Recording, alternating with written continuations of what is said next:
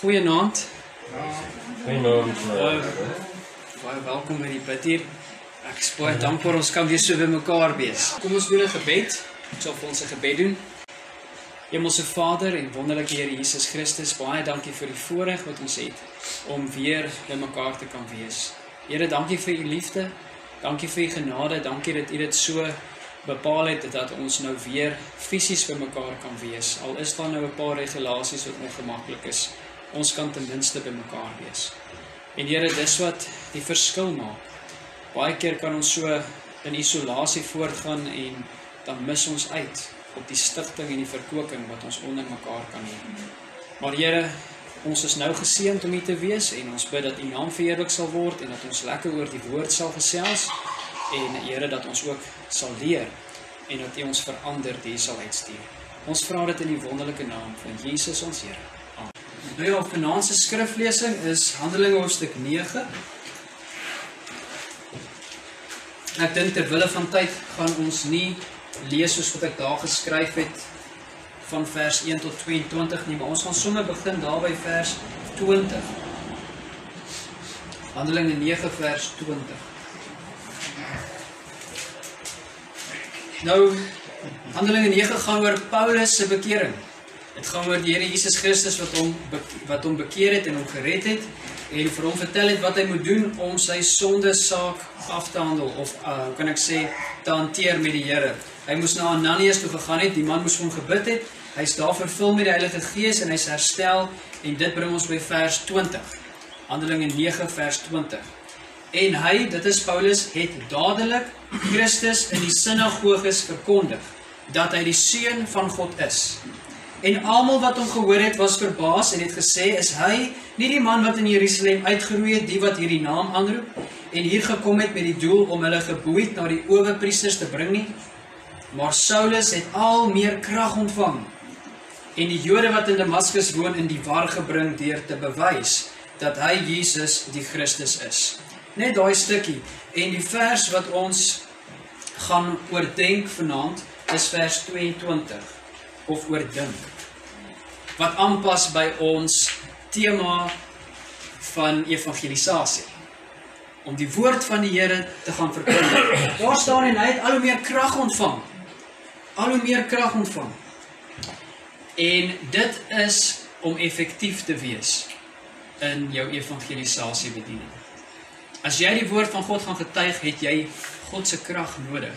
Dit maak jou effektief en dan het jy ook nodig deur daardie krag van die Here om die woord te ken en dit bring mense in die war. Baie mense is slim. Baie mense dink hulle weet meer as die kinders van die Here en hulle het baie dinge om te sê. Partykeer klink dit amper so asof hulle reg kan wees, maar hulle is nie.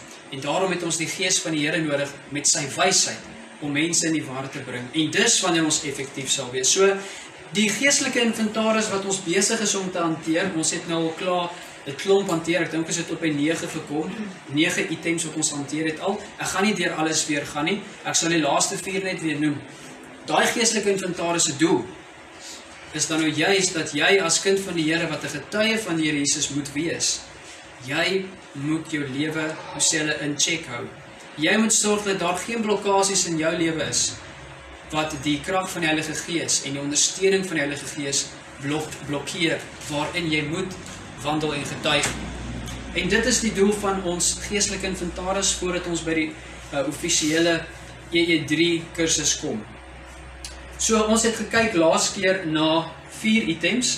Die woord van God ehm um, is die woord van God vir my opwindend. Dis die vraag wat ons gevra het. Jeremia 15:16 het gegaan oor die woord wat opwindend was vir die persoon omdat Jesus se naam oor hom uitgeroep is en daarom het hy die woord gevind, geëet en dit het, het sy lewe verander. Johannes 15 vers 16, daar het ons onsself die vraag gevra, dra my lewe vrug? Is ek besig om te groei in 'n verhouding in Jesus Christus? Het ek die vrug wat by my bekering pas of lyk ek nog soos die wêreld? Efesiërs 5 vers 18 het ons gevra, word ek daagliks deur die Heilige Gees beheer of word ek beheer deur my vleeslike dinge? Word ek beheer deur uh, substansies? Word ek beheer deur uh, my eie begeertes wat my in sonde inlei? En uh, dan het ons gekyk na Spreuke 18 vers 15, is ek bereid om te leer. is ek bereid om te leer? As ek nie bereid is om te leer nie, gaan ek nie kan groei in my uh, woordkennis nie, gaan my evangelisasie effektiwiteit dan natuurlik nie groei nie, nie toeneem nie. So, dit bring ons dan by die volgende gedagtes. Ons het huiswerk gegee. Ek hou nie daarvan om vir ouer mense te sê hulle het huiswerk gekry nie. Maar die huiswerk was dat daar 5 verse is waarna ons vanaand gaan kyk. Nog 5 items op ons geestelike inventaris om te kyk of ons lewe in plek is en of daar iets is wat maak dat ons evangelisasie effektiwiteit belemmer word. Nou ja, wie het die huiswerk gedoen? Daar's 1, daar's 1 2 3 4. Yeah! Wonderlik. Goed. So die doel van hierdie hierdie oefening is om interaktief te wees. Ek wil graag gehad het dat julle moes die vers lees, julle moes oor die vers dink, julle moes die vers, julle moes die vers of die uh, hoe kan ek sê die onderwerp van daai vers inbring in die konteks van evangelisasie. Wat het dit nou te doen met my wat die evangelie moet verkondig, met my wat nou 'n getuie moet wees? Um met ander woorde, die oefening was sodat jy leer om die woord relevant te maak tot jou lewe. Nie net iets wat jy lees nie, maar om bietjie te dink maar waar in my lewe moet ek dit toepas om effektief te wees in evangelisasie. So dit bring ons by Spreuke 9 vers 8 wat sê: "Askies as dit bietjie klein is daar, met alles wat ek gaan wys, is dit moeilik om dit groot te maak, maar ek sal dit sê." Spreuke 9 vers 8 sê die volgende: Bestraf 'n spotter nie. Anders haat hy jou. Bestraf 'n wyse en hy sal jou lief hê. So is daar enige volunteer wat hierdie versie se twee vrae gaan beantwoord. Daar's eintlik drie vrae wat ek gaan vra. Die eerste vraag is: Wat is die onderwerp? Kom ek herinner net gou. Wat is die onderwerp van hierdie versie vir jou? Wat het jy gedink is die hoofgedagte van die versie of die beginsel wat vir jou uitstaan? En hoe het jy dit gekry? Dit het ek nou nie gesê nie, maar jy sal weet hoe jy dit gekry het. En wat's die relevantie? Wat's die relevantie van daai beginsel of gedagte tot jou as getuie van Jesus, jou effektiwiteit?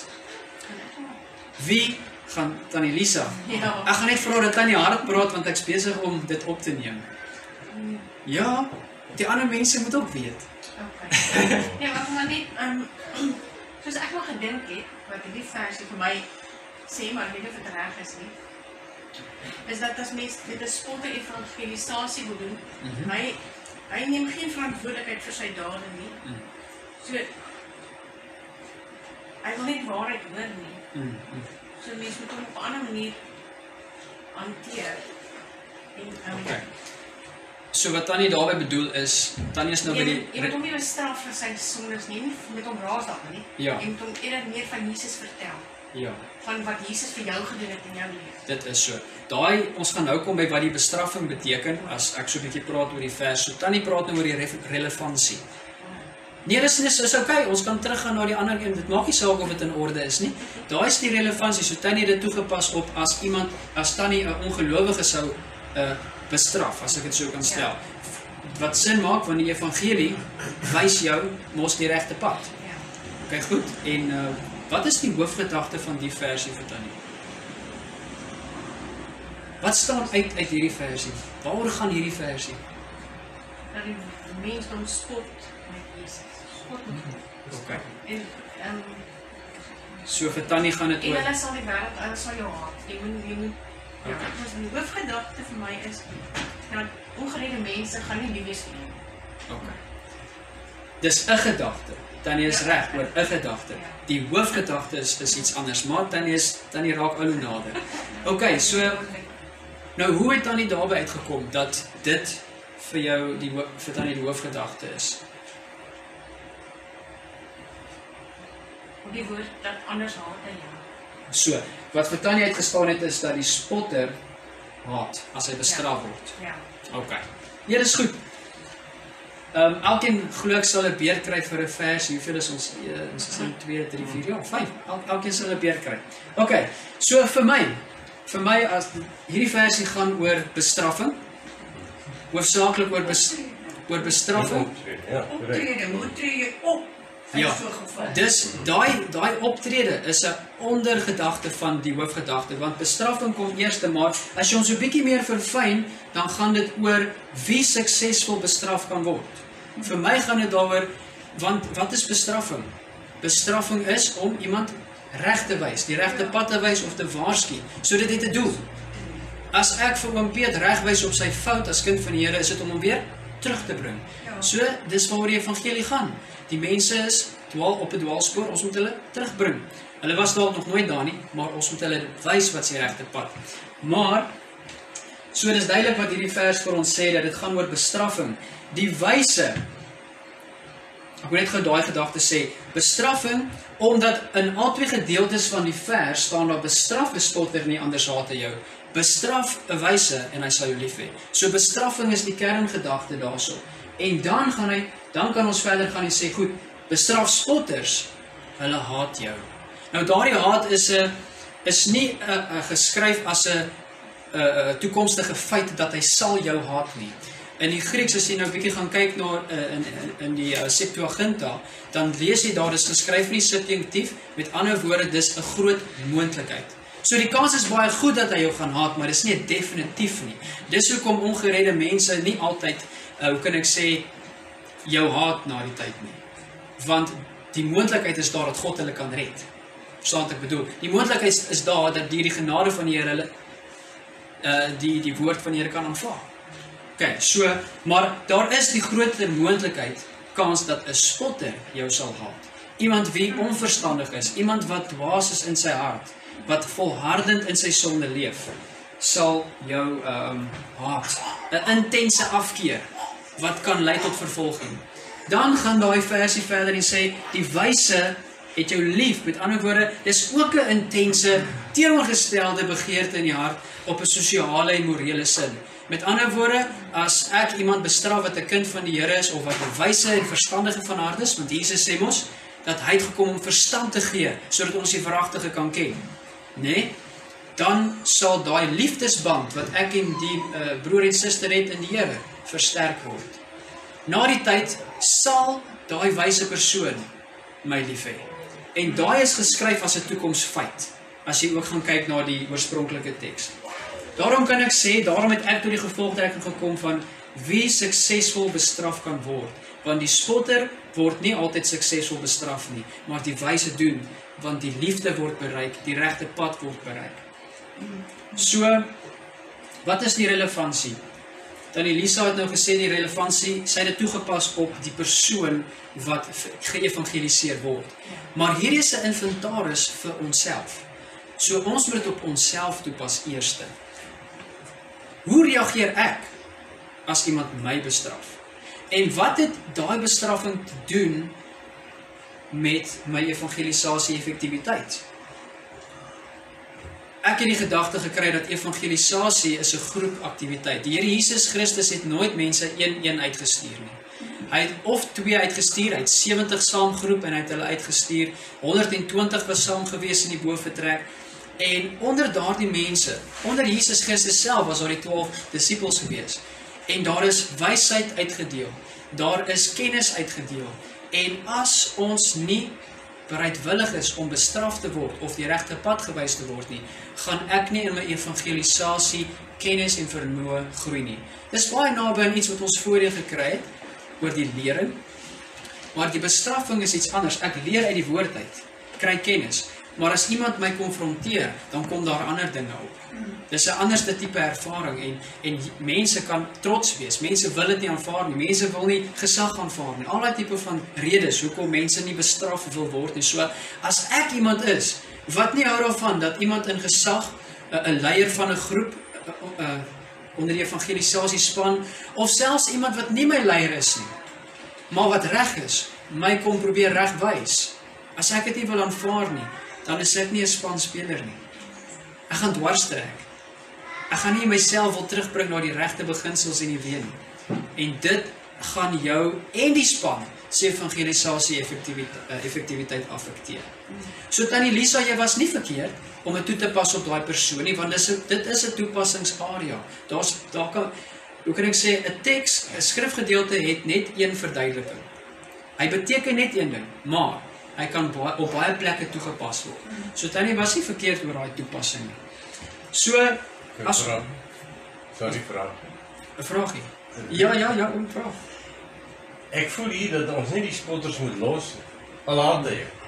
Ja. Jy moet optrek, ek dink jy het ook gesê. Ek het Ja. gesê in hierdie geval. Wat ook al gebeur, jy moet optrek.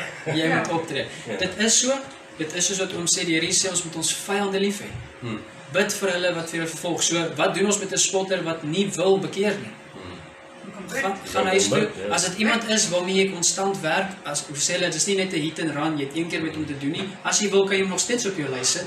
Maar as dit iemand is waarmee jy altyd te doen het, gaan huis toe. Bid vir hom. Bid vir hom. Die Here Jesus sê wees volmaak soos wat jou Vader in die hemel is. Wees lief vir jou vyande. Okay. Rudolf, ek ek Yes. yes. om Piet aansluit. Weet jy uh, as jy agterkom hierdie ou is nie lekker dat jy begin sonde uitwys nie. Dan Mm. moet jy dan moet jy al ophou om sonde uit te wys. Mm, mm. En liewerste die sterkpunte van Jesus begin uitwys. Yes. Hmm. So dan dan dan hou jy dit ek kan nie sê positief nie, maar Ja, ja. maar jy bly weg van dit wat Mm, mm. hom oor die vingers dink en jy wys liewerste vir hom na die kruis en, en wat Jesus alles gedoen het. Presies, ja. Kyk, hy moet weet hy's 'n sondaar. Ja, ja, ja. Ek kan nie hom sê, "Hey, jy sit daar se greep in jou hand en dis dis jou probleem." Ja, ja. Dis wanneer hy nou Ja. afstoot van jou. Presies, Jy ja. het gesê weet hoe om met spesifieke mense te werk. En Ja. so opstel. Hmm. Ja, jy moet hom leer. Verskillende mense het verskillende maniere nodig.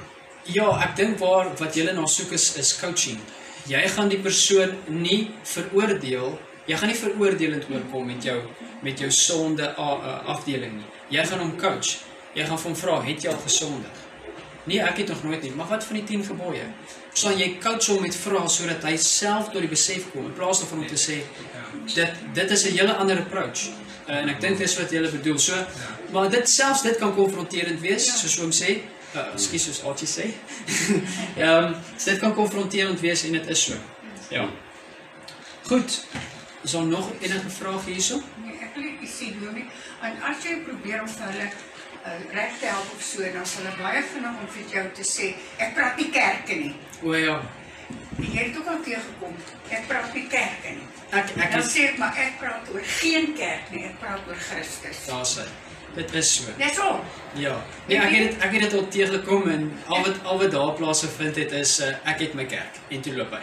Ja, Dis is- ja. Ek okay. ek sê so. preek nie kerk, ek preek Christus. Dit is so, maar ja, daar's verskriklik baie hindernisse en met die genade van die Here sal hy ons wysheid gee om dit reg te hanteer. Ja, ja. Nou ja, kom ons gaan aan na die volgende ene. As hy wil aangaan. Sou hy aangaan? Hy gaan aan. Matteus 20 vers 28 sê: Net soos die seun van die mens nie gekom het om gedien te word nie, maar om te dien en sy lewe te gee as 'n losprys vir baie. Nou, voordat ek iemand vra, hierso was so 'n bietjie 'n vangplekkie gewees om by die kern van die gedagte uit te kom, maar kom ons vra vir om Archie of vir Wynand of vir wie gaan wie gaan is dit reg goed? Ek sal hom vat. Okay, kom Archie, die vraag is wat is die hoofgedagte van hierdie teksvers vir ons? Diens. Ja. Diens. Okay, en hoe het ons daarby uitgekom? Uh want die die woordjie dien word twee keer genoem. Eerste word dit gesê gedien word en dan gedien te word en om te dien. En Yes. dan om het hy sy lewe as 'n losprys gegee. Met ander woorde, dit is ook maar 'n diens. Ja. Nee, definitief. Dit gaan oor diens en wat sou wat sou jy sê is die relevantie van diens tot jou effektiewe evangelisasie? Ek sal sê wat wanneer jy met 'n persoon gesels, dan dan moet jy besef jy jy's 'n dienskneg van Jesus. En jy kan nie die ou heeltemal nie ja oordonder of uh, jy jy moenie bossie voorkom as ek Ja, sê. Ek jy nie wat is ag nie. Ja, jy moenie jy moenie uit hierdie hoogte met 'n siel praat. Mm. En en met you have arrived in hierdie ouers se sondaar en, en Ja. Klap hom van links na regs en en gaan mal want jy net jy weet Net Ja. die oomblik wat jy daai houding inneem, jy jy weet beter en jy is beter Mm. alles, dan dan het jy 'n probleem. Jy Ja. moet jy moet soos Jesus hom benader. Ja. Jy moet diensbaar. op, op sy vlak wees want jy jy moet Ja, so- hom bedien. So oom praat dis nou genoem hier so so julle praat van om om jouself nederig te hou. Ja, Om ek dink om onder die persoon in te kom eerder ja. as van bo af. Ja. Men Jesus het homself verneder om te Mm. hang aan 'n kruis. Presies. OK, wel dis dis dis min of meer waarby ek ook uitgekom het. Ek het dit nou maar net verwoord as Jesus die voorbeeld van selfvernedering en opoffering.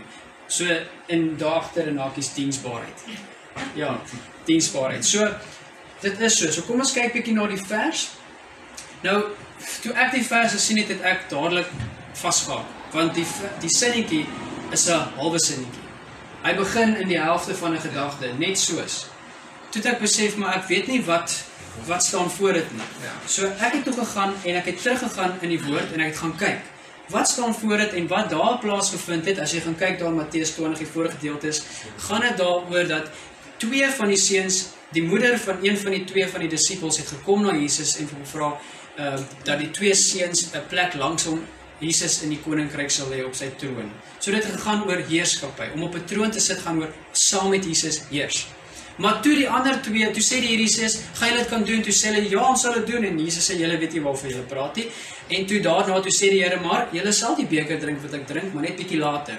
Ehm um, en toe die ander dit hoor, toe is hulle verontwaardig. Toe met ander woorde, hulle was ontsteld geweest. Presies hoekom weet ons nie, dit staan nie daar nie. Miskien was dit omdat hulle gedink het net die twee gaan 'n plek in die troon uh, op die troon kry. Ek weet nie. Maar daai verontwaardigheid beteken dat hulle was ontsteld geweest en toe Jesus dit merk, toe begin hy hulle te leer en hy sê vir hulle soos wat die heidene oor mekaar heers, domineer, mekaar beheer en en daai gesag uitoefen en mekaar besit, so moet dit nie by julle wees nie. En hy begin hulle toe leer as jy die wil in jou het om groot te word of om eerste te word, dan moet jy 'n dienaar wees. Dan moet jy 'n diensknegt wees. Dis hoe dit in die koninkryk van die Here werk. Dis hoe dit onder onder hulle werk. En dan kom hy by homself as die voorbeeld, soos wat ehm um, Wynand gesê het. Net soos die seun van die mens nie gekom het om gedien te word nie, maar om te dien en sy lewe te gee as 'n losprys. En ek kon nie anders te as om te gedink het aan Filippense 2 vers 5 tot 8 waar daar staan want hierdie gesindheid moet in julle wees wat in Jesus Christus was nie. Hy was in die hy was in die gestalte van God en hy het hom gelyk aan God nie 'n uh, roof geag nie, hy het nie daaraan vasgehou nie, maar hy het homself ontledig deur die 'n vorm van 'n diensknegt aan te neem of iets soos dit. So hy het homself 'n diensknegt gemaak en hy het hom verneder. So toe ek nou al daai goeders bedink, toe kom ek nou agter, goed, om te dien is om jouself te verneder. Om te gee is om op te offer. En dis vir my diensbaarheid. Jesus het gekom om te dien. So bietjie tyd gevat om aan hom te dink. Hy was bietjie triekie vir my gewees, maar dit is wat dit vir my beteken het. So en toe kom ek nou uit by die relevantie. As ek nie bereid is om my om prys of om op te offer nie. Soos byvoorbeeld my tyd. As ek nie my tyd wil opoffer nie. As ek nie my gemak of my finansies wil opoffer nie. Dan gaan my effektiewe evangelisasie daaronder lê. Miskien gee ons tyd. Maar dit is nie genoeg nie. Want ons kom nie daarby uit nie. Miskien gee ons 'n bietjie gemak op, maar dit is ook net genoeg om deur te kom. En miskien uh ek preek nie oor finansies nie, maar uh finansies is nodig om evangelisasie aksies te loods en sulke tipe van dinge. En as ons nie bereid is om van ons geldjies te gebruik om daai dinge te finansier nie, dan gaan ons ook nie altyd dinge kan doen nie. Dis nie altyd nodig vir geld om die evangelie te verkondig nie. Jy kan net hier uitstap. Dis net 'n voorbeeld. Vernedering. As ek nie myself verneder nie, hulle het baie mooi daarna verwys, dan gaan ek dalk nie die armes wil bedien nie, want hulle is vuil. Jy weet of hulle stink. Ek gaan nie ander kleuriges wil bedien nie, want ehm um, ja, daar's jarelange wrogings met die ander kleuriges. Daar's mense met ander gelowige, met ander gelowe. Dadelik kan ons sit met daai ding van ek's beter. Maar as as ons vanuit daai hoë posisie soos daar gesê is, probeer evangelisasie doen, gaan ons nie evangelisasie doen nie. Want ons gaan sê, hoekom moet ek dit doen?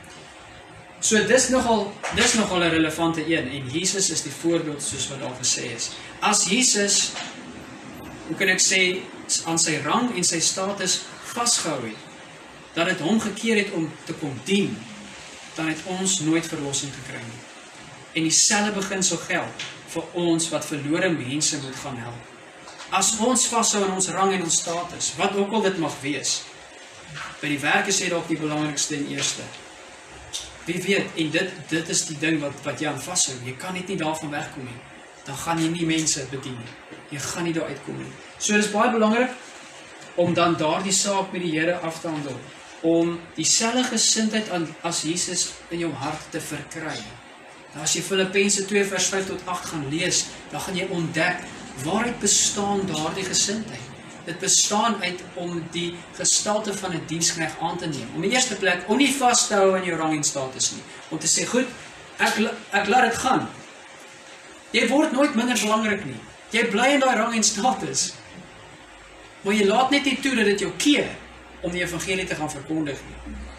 En dan word 'n diensknegt en so verneder jy jouself. En dan kan jy verder gaan lees wat daar nog is. Dis dis een van die mooiste stukkies wat daar in Filippense 2 vers 5 tot 8 staan.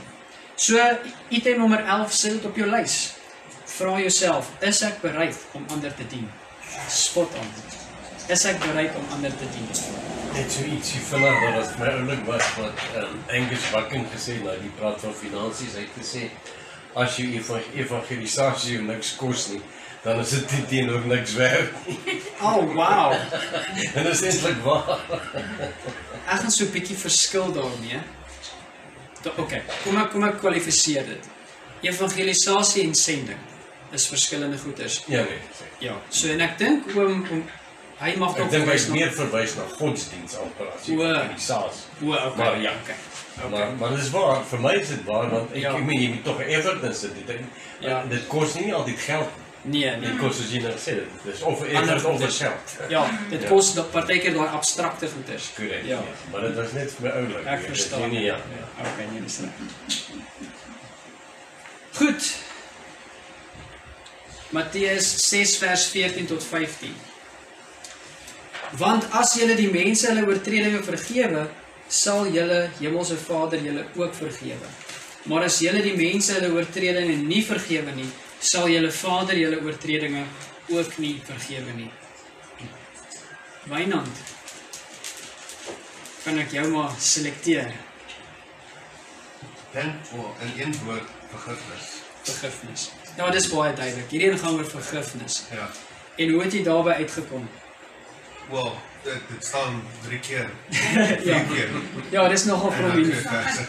Ja, dit staan prominent. Uh ek moet vergewe, ander moet vergewe word, God moet vergewe en dan staan dit net weer eens in die negatief. Ja. Okay. En dan wat sou jy sê is die relevantie? Hoekom is dit hoekom is vergifnis belangrik by evangelisasie? Ek dink ek dink ehm ek wil sê ehm practice what you preach what you preach. Uh, dis dis mooi saamgevat. Ja, practice what you preach. Ja. En nog iets. daar is- stop. Is dit? Nee, ehm Dis ja, waar- what Nee, you nee, preach. maar- I mean weet jy kan nie jy kan nie vir iemand anders te gaan Ja. sê wat om te doen en jy doen dit self nie. Presies. Ja. Ons moet bereid om te vergewe. Want Verseker. al het jy gehelp en so was jy gaan maar nog ons maak almal ons maak weer daai foute. En dan moet jy bereid wees om te vergewe daarvoor en weer aan te gaan en weer te begin. En as jy as jy luister na Jesus se gebed in, in Matteus 6, dan sê hy jy sal vergewe word as jy vergewe. Presies. Okay. Ja. Dis ja. Nou ja. Dit vir dat. Ja. Dis net vir dit. Ja. Ja. Nou dis ja, dan Ekskuus. En as jy iemand wil evangeliseer en hulle ken jou verlede ja. en hulle weet daar kom onvergifnis in jou hart, kan jy nie vir hom gaan sê hy moet vergewe as jy nie vergewe het nie, want dit Presies. nie doeltreffend nie. Presies. Presies, ja. Ja. En met die met die volgende ene sal jy sien hoekom vergifnis belangrik is. Nou ja, kom ons gaan gou-gou aan hier. So ek het ek het dieselfde gedagte kry ek het hom net so bietjie net so op so bietjie net 'n uh, hoe kan ek sê getweak. Ek het gesê vir my die kern hiervan is 'n vereiste tot vergifnis van sondes. Dit gaan oor vergifnis absoluut, maar vir my is dit 'n vereiste tot vergifnis. So want ja, dit is heel eenvoudig. En dit wat hom Archie nou gesê het is waar. Weer eens moet jy nou teruggaan na vorige verse hoekom. Wie kan vir my sê hoekom moet jy teruggaan na vorige verse om hierdie teks mooi te verstaan? Ja, die agtergrond, maar hier's iets spesifiek in hierdie versie. 'n Spesifieke woord wat jou terugvat. Want. Wat is want? Dis 'n rede. So met ander woorde, die Here Jesus kom hier so en hy sê, "Want." Ja, maar hoekom? Hoekom is daar 'n vereiste? En dis wat hom Archie gesê het, want hy leer die disippels, dis hoe julle moet bid. Vergewe my soos ek ander vergewe. Dis asof daai gebed mense aanspoor om te vergewe, want daar is 'n goddelike beginsel. Daar is 'n goddelike beginsel wat hier uitgedruk word in 'n kondisie. As jy vergewe, sal jou Vader jou vergewe. As jy nie vergewe nie, sal hy jou nie vergewe nie. Dis 'n baie sterk stelling wat Jesus hier maak. Want vergifnis is waarom jou redding draai. As iemand nie vergewe is nie, is hy nie gered nie. Genadiglik kinders van die Here het voortdurende vergifnis. Eenmalige vergifnis en voortdurende vergifnis. Dank die Here daarvoor, né? Ja. Ja. Maar maar ons gaan nou kyk na daai maar. So eers wanneer hierdie voorwaarde ontmoet word, sê die vers, sal vergifnis vir jou gegee word. So as iemand daar sit en hy wil nie iemand vergewe nie, want nie almal is in daai posisie nie, dan is dit eers iets wat uit die weg geruim moet word. Dit klink dalk vreemd. Goed. So vir my die relevantie van hierdie saak is die evangelie gaan oor vergifnis. Dit is nou kortliks genoem. Dit gaan oor vergifnis. En hoe getuig ek van daardie vergifnis as ek self nie kan getuig van God se vergifnis nie? Ja. So nou gaan ek met hierdie persoon praat en sê die Here wil jou vergewe. Maar as ek nie eens bewus is van sy van God se vergifnis nie, wat gaan ek vir hom verkondig? Of as ek bewus is van sy vergifnis en ek het al beleef hoe wonderlik dit is, maar ek sit met hierdie wrok in my hart en ek wil ander nie vergewe nie. Sal ons hierna sien hoe affekteer dit ons evangelisasie. So vergifnis is die kern van die evangelie. Dis die goeie nuus. En daarom moet ons dit nie net ontvang het nie om te kan getuig nie, maar ons moet dit ook kan Leef. uitleef. En ek wil ek wil dit sê, omdat God se liefde in jou hart uitgestort is, het jy die vermoë om te kan vergewe. Dis net dis 'n keusewerk. Ek sê nie is maklik nie. Dis 'n keusewerk. So voeg item nommer 12 by jou lys. Is ek vergewensgesind? Vra daai vraag. Dink daaroor. Is ek iemand wat baie vinnig kwaad word en wrokke hou vir klein goedjies of wat ook al? Of is ek iemand wat regtig net sê, "Weet jy wat, dis oukei. Okay. Kom ons gaan aan. Ek vergewe jou." En môre het jy daai selfe ou maar net weer lief. Amen. Met kinders is dit 'n uitdaging. ek ek getuig altyd daarvan. Op kweekskool het die Here my ehm um, tot die besef gebring dat ek bly kwaad vir my kinders. Want dit dit klink dalk nou erg. Dit is nie meer so nie. Op kweekskool. Ja. Daar leer jy mos, né? Nee? so Ja. As jy okay, ek sal 'n paar jaar terug. Okay, dit gaan so. My kinders doen dinge waarvan waarmee ek nie saamstem nie, dan word ek kwaad. Maar dan vind ek myself ek bly kwaad by hulle vir hulle. Dan's daar die dis dan's dit asof ek hulle die hele tyd wil straf. Ek het nou al pak slag gegee, maar nou nou raas ek met hulle en ek onthou daai ding wat hulle nou nou gedoen het en ek sit dit sommer by die woede wat ek nou het. Dis omdat ek hulle nie vergewe het nie. En Jesus het my gewys, vergewe jou kinders. En dit was vir my 'n uitdaging om te te beoefen. Nou ja, so vergifnis is baie meer nodig as wat ons dink om te vergewe. Goed. Kom ons gaan aan. Hebreërs 12 vers 15. En pas op dat niemand in die genade van God veragter nie, dat geen wortel van bitterheid opskiet en onrus verwek en baie hierdeur besoedel word nie.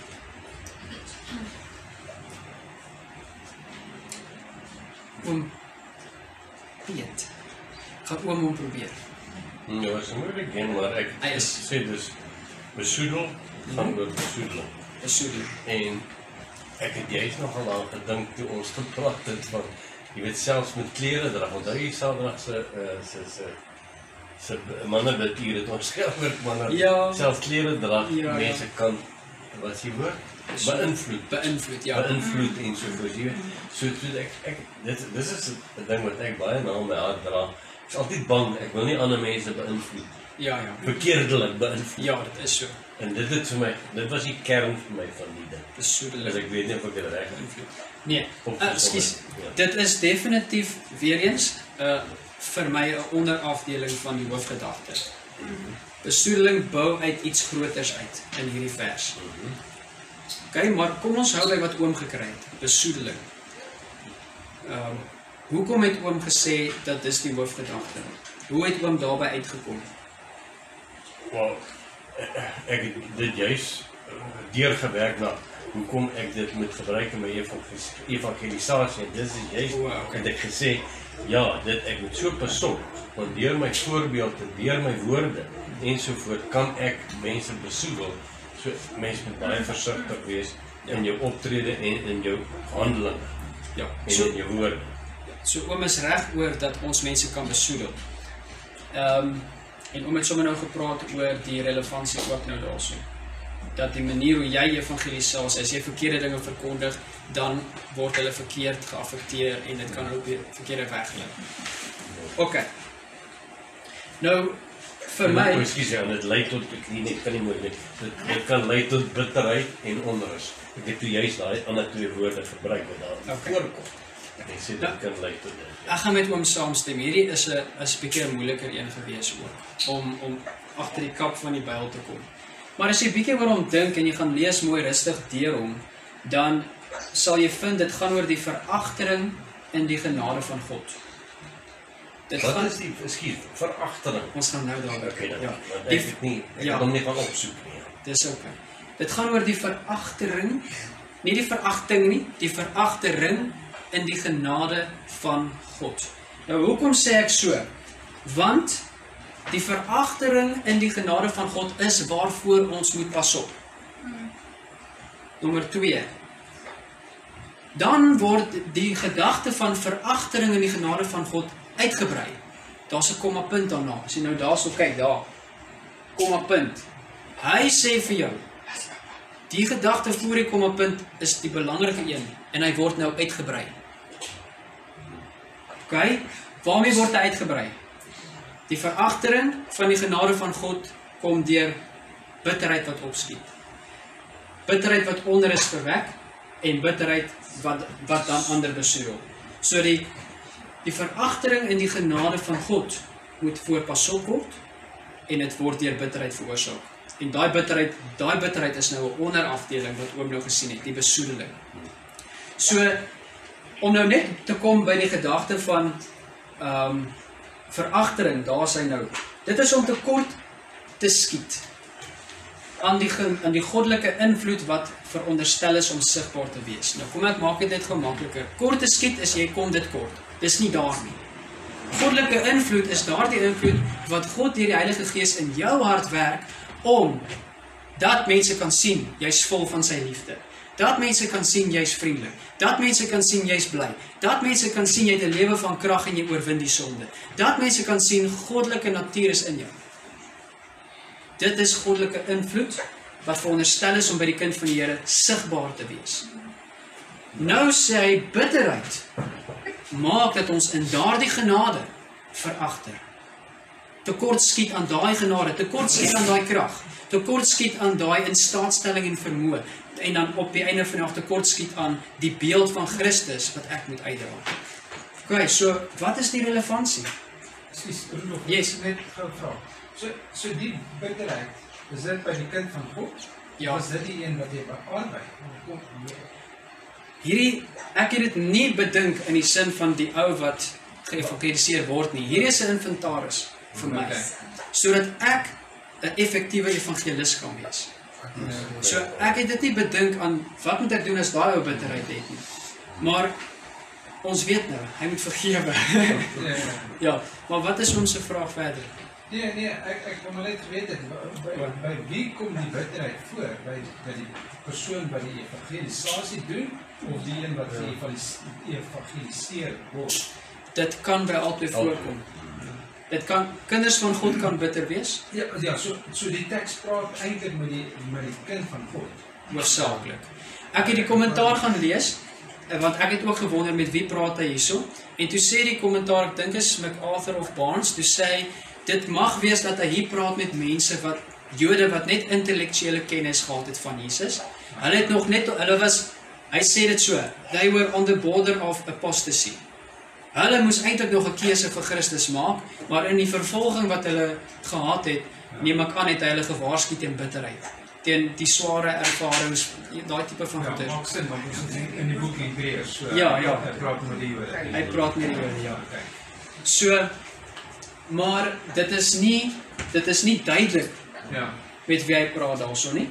Dis ook wat hulle sê, maar die woord is daarso want die uh, die Nuwe Testament Paulus veral waarsku ons kinders van die Here teen bitterheid. Alraai, kom ons gaan gou verder dan sal julle ook dit sien. So die relevantie vir my hierso is dat 'n getuie van Jesus om 'n getuie van Jesus te wees, het ons die krag van die Heilige Gees nodig. Maar as hy bedroef is, dan het ons tekort aan daardie krag. Hoekom?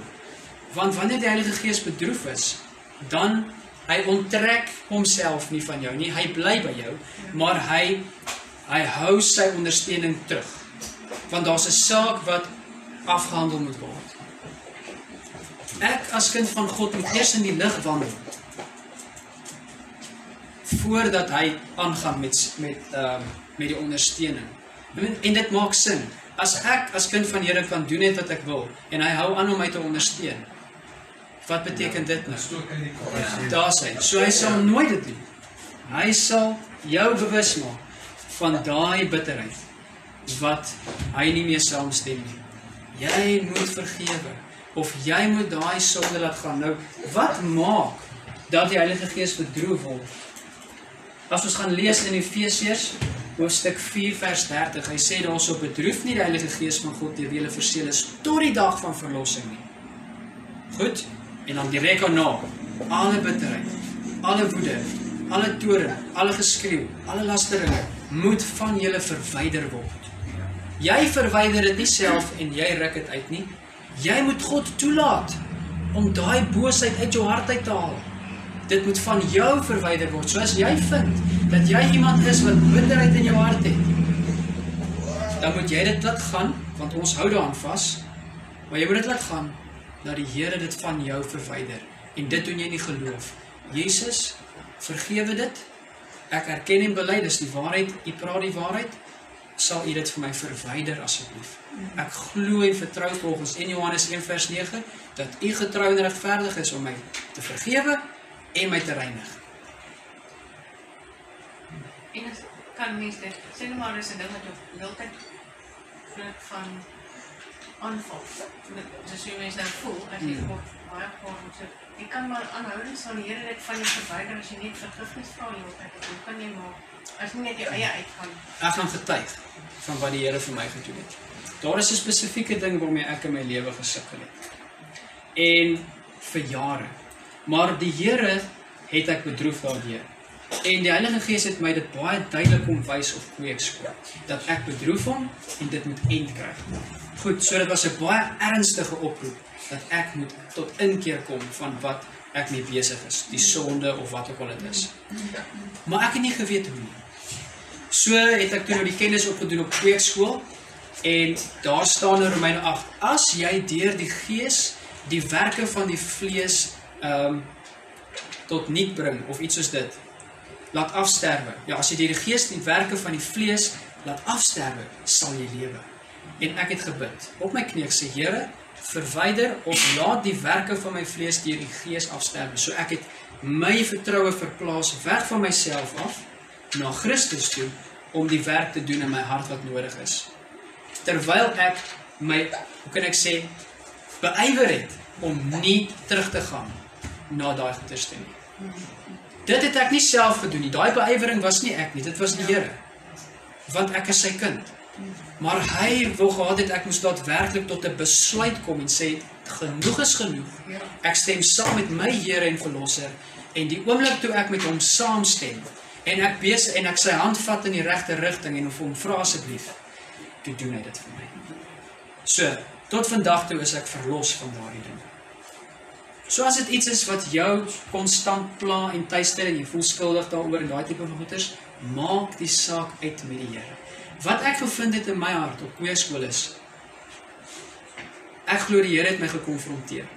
Hy het my gevra, "Rudolf, is jy lief vir my of is jy eintlik lief vir daai dinge?" Dis die vraag op einde van die dag. Wil jy vashou aan jou bitterheid? Want dis dalk hoekom jy vashou daaraan. Wil jy wellustig wees? Want jy het eintlik lief. Jy moet die liefde vir die kwaad laat vaar. En jy moet jou draai na die Here sodat sy liefde in jou neerkom.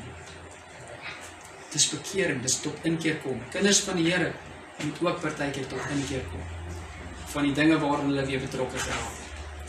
En dis die dinge wat die Heilige Gees bedroef. Dis die dinge wat sy ondersteuning van jou wegvat en maak dat as jy nou moet gaan tuig dat jy wil nie. Of jy voel nie dat jy mag of kan nie. Maar wanneer die Heilige Gees oor jou kom, sal jy soos 'n Paulus wees en jy sal krag ontvang en die mense in die war bring. Hulle sal net agterkom hierdie ding wat jy ou van praat is regtig. En soos 'n spotter sal hy jou of haat of die Here sal hom verstandig maak en hy sal tot bekering kom. Alraight, laaste ene. Tannie Marie, oom Ken, dis julle sinne hierdie. Daar staan. Dis bietjie klein so ek sal hom lees. Verder broeders, alles wat waar is, alles wat eerbaar is, alles wat regverdig is, alles wat rein is, alles wat lieflik is, alles wat loflik is. Aandag streek. Watter deug en watter lof daar ook mag wees, bedink dit. So, vir julle, wat was die hoofgedagte van die vers? Ek iets sê. Ja, jy, julle moet dit uitsorg. Kom ek, sê, ja. hy vergeef gesindheid voor ons aan. Dan kom dit. Ek het swaar gedra aan iets. Okay. Jy weet dit. En dit was 'n verskriklike gewig dat tussen my en God gestaan het. Ek het God nog steeds gedien soos Bybel gelees alles. Maar toe ek ontplof en die Here maak dit vir my oop. Ja. Soos 'n kan jy vier speel in die berg Ja. en jy praat met iemand daaroor en jy verstaan nie hoekom. Verstaan nie waarom nie.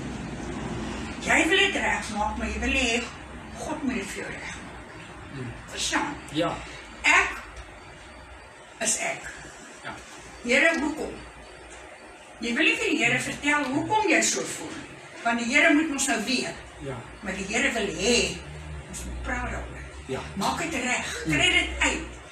En dominee, daar's niks so lekker as daai ontploffing verby is. En jy het met die Here gepraat en die Here het vir jou gesê jou sondes jou vergeef. Ja.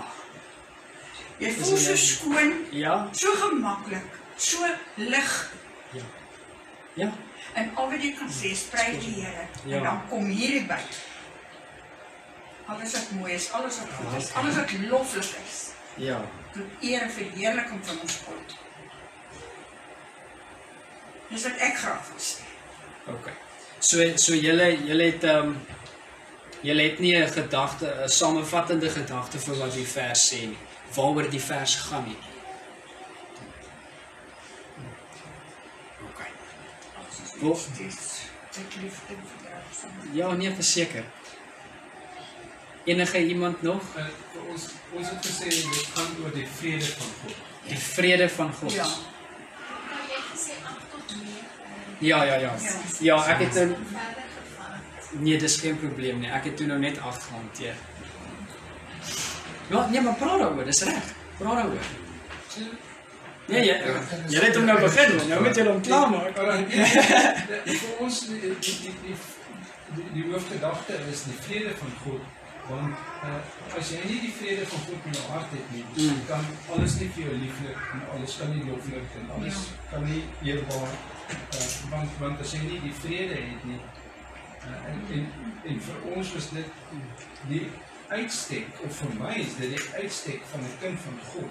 Jy het vrede in jou hart en ek kan nou doodgaan. Gaan Ja. dood. Maar dit is iets wat 'n verlore gaande mens nooit nooit ooit sal hê nie. Hy hy het nie vrede nie. Mooi. Ja. En en dit sit ons in 'n hele vrede en vreugde van daai 9. Vrede en vreugde Ja, ja. sit ons op 'n ander bladsy as as enige kind 'n uh, 'n verlore gaande mens. Presies, ja. Yes, ja. Vers 7 toe gaan dat hulle sê en die vrede van God wat alle verstand Yes, ja. Hmm. van julle harte en julle sinne Ja. Presies, ja. Ja. So. Okay, so dit gaan vir julle oor vrede. As ons het nou twee uiteenlopende gedagtes hierso. Kom ek vertel ek hoekom. Toe ek nou die inventaris lees wat in die boek is, toe sien ek wat hulle wil by uitkom. En ek kom toe agter dat die volgende versie stuur dit in 'n hele rigting in, 'n ander rigting in. Nie nie fout of lelik of iets nie, maar dit dit gaan iets anders te opeindig as wat hulle vra as die vraag wat hulle vra. En toe het ek net vers 8 gekies, maar dit het nou eers gebeur nadat ek die huiswerk uitgesteek het. So dis lekker tog om nog steeds daaroor te praat. So kom ons hou aan. Die vrede was vir julle nou die belangrikheid in in daai klomp verse wat fyn is. Dis soos wat Tannie gesê het, jy daai vrede van die Here. OK, so wat is die relevantie? Hoekom hoekom is vrede belangrik in evangelisasie? Jou vrede. Wel as as jy met 'n persoon gesels, dan kan jy vir hom vertel die vrede wat in jou hart is. Ek meen net dit soos wat ek gesê het. Ek kan nou sterwe en ek weet ek gaan hom op. Daar's so ja. Hy as hy nou sterwe het 'n moeilikheid want hy weet nie waarheen hy gaan nie. Ja. Dis reg. OK. So dit is dat jy kan getuig van daai vrede en mense kan dit ook sien. Ja. Daai vrede is sigbaar. Hoeveel mense wat al gesterf het vir Jesus se getuienisse is opgeskryf. Hulle het gesing terwyl hulle gesterf het. Hulle het vrede gehad, 'n glimlag op hulle gesig. Al daai tipe van goeders en die teenoorgestelde vir die ander mense. Goed, dis nie dis nie 'n probleem nie. Maar nou dat julle weet hoekom ek net vers 8 het, kom ek gaan gou deur hom. Vir my sê hierdie vers ons moet altyd deeglike of loflike dinge bedink. Dit gaan daaroor dat ons moet altyd deeglike of loflike dinge bedink. OK?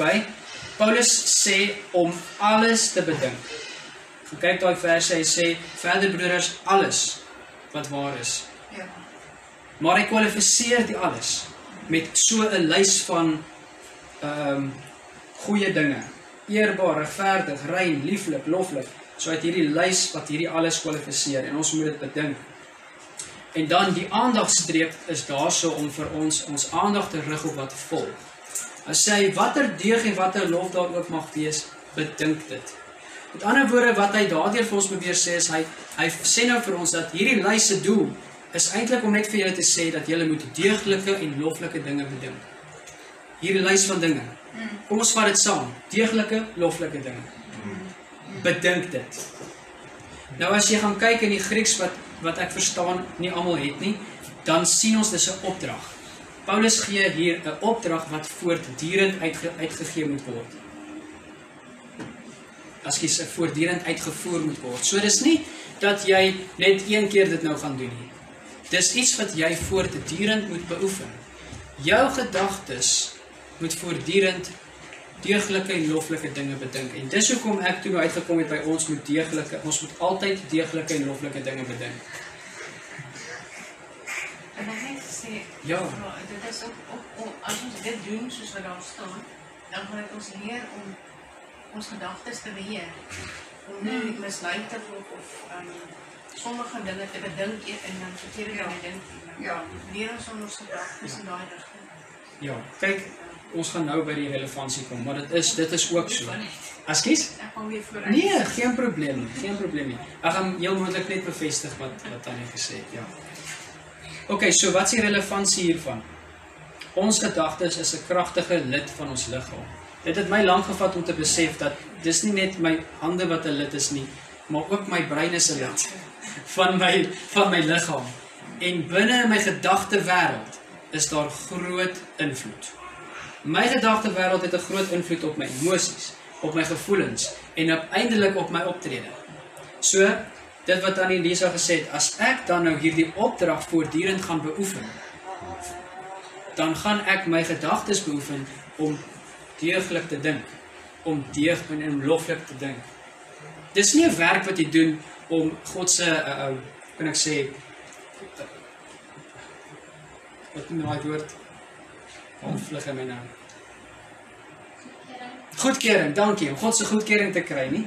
Ons het dit in Christus, maar dit is om die ehm um, heiligheid te handhaaf wat jy ontvang het. Dis om te leef in dit wat jy ontvang het. Jou liggaam wat altyd aan die sonde oorgegee was, ook jou gedagte wêreld moet geoefen word om in die lieflike en loflike dinge te wees. Want as ons dit nie doen nie. En ons praat nie nou van 'n gedagte wat opkom, okay, daar kom jy nou op en dan gaan ons weg hier. Ons praat van daai gedagtes wat jy bedink, daai gedagtes wat jy op tyd spandeer, daai gedagtes wat jy koester. Dis bedink, dis oordink. Dis om jou gedagtes besig te hou. So as jy dit besig hou met kwaadwilligheid, onreine gedagtes, die kans wat jy gaan opeindig om die sonde daad te doen is goed. Want jy doen dit al klaar in jou hart. So daarom sê Paulus, ons moet by die hartsake uitkom. En wat is die relevantie? Dit kan my evangelisasie negatief affekteer of positief. Negatief in die sin daarvan dat ek kwaadaardige dinge bedink en ek opeindig om te sondig. Positief dat ek kan nou begin dink, hoe gaan ek die evangelie verkondig? Dis 'n lieflike en loflinge loflike ding. Watse planne kan ek maak om by mense uit te kom? Wat sê die evangelie nou eintlik? Kom ons gaan kyk. O, oh, want so lief het God die wêreld gehad dat hy sy enige gebore seun gegee het. Okay, dis 'n cool vers. Kom ek memoriseer hom. Kom ek bær hom in my hart en kom ek bedink hom vandag. Wat sê die vers? Is die woord nie die waarheid nie? Bedink die waarheid. Is daai boodskap nie lieflik nie? Bedink wat lieflik is. So as jy nie weet wat om te bedink nie, memoriseer die woord en bedink dit. En dit sal ook jou lewe verander. So dis die relevantie op 'n van die dag sal jy deur jou gedagtes onder beheer te kry, deur die krag van die Heilige Gees en deurdat jy getrou is aan hierdie opdrag, sal jy 'n uh, 'n getuie kan wees wie se lewe wys dat jy vir Jesus leef. So voeg item 14 by en vra jouself die vraag: Is God tevrede met my gedagte wêreld? Is God vandag tevrede daarmee? As hy nie is nie of as jy vind dat hy sê vir jou daar's 'n paar dinge waarmee hy nie tevrede is nie, soos ons al gesê het, maak die saak uit. Baie van die goeders is nie 'n een eens klaps ding nie. Dis goed wat jy moet oefen saam met die Here. Môre kom dit dalk weer op. Dan doen jy maar net weer wat die woord sê. Oor môre kom dit weer op. Dan doen jy maar net weer wat die woord sê in die geloof. As jy jouself kan kry na 'n maand, 2, 3 maande, dan is jy ingeoefen in die goeie ding. Ons sê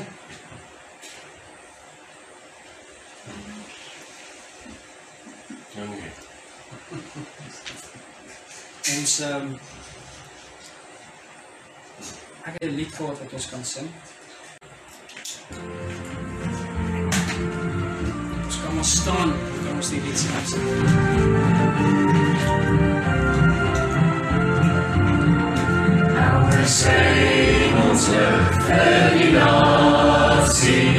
Thank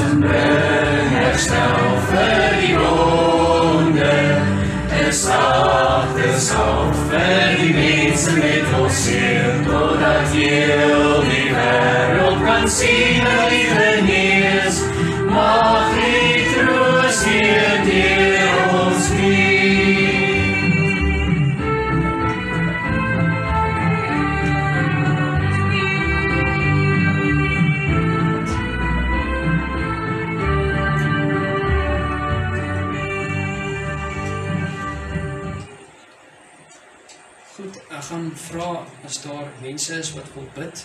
Dan gaan ons nog gou 'n paar minute bid. Bid ons vir ons eie evangelie, ons eie lewens. Dat as daar iets in ons lewe is, um, kom ek stel dit so, ons gee so 5 minute van stil gebed. As daar iets is wat uitgestaan het in jou lewe, ehm um, wat nie reg is met die Here nie of wat jy graag wil die Here moet regmaak, gesels nou met hom. Vra vir hom om jou daarmee te help en dan kan ons dan sal ek net daarna vir ons afsluit. As iemand anders nie ook wil bid nie.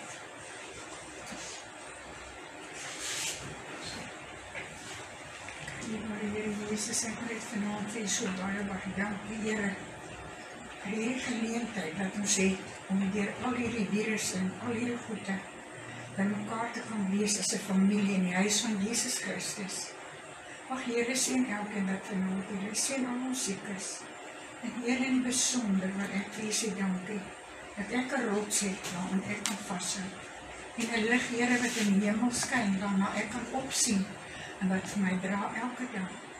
So bid ek ook vir ons lyk vir Dominee en vir sy gesin, Here, wat vir ons soveel aandag gee as gemeente. Ons loof en ons prys U vir hom, Here Jesus. En dan Here wil ek vir vra dat U met elke lidmaat wat vanaand in hierdie kerk is, dat U ons iets gegee het om te oordenk, Here, vergeef gesindheid. O Here, dis 'n groot woord. Maar Here, as ons na U toe gaan, is dit klein.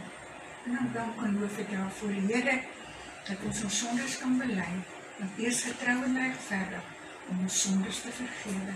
Ek dank en ek loof U in Jesus naam. Amen.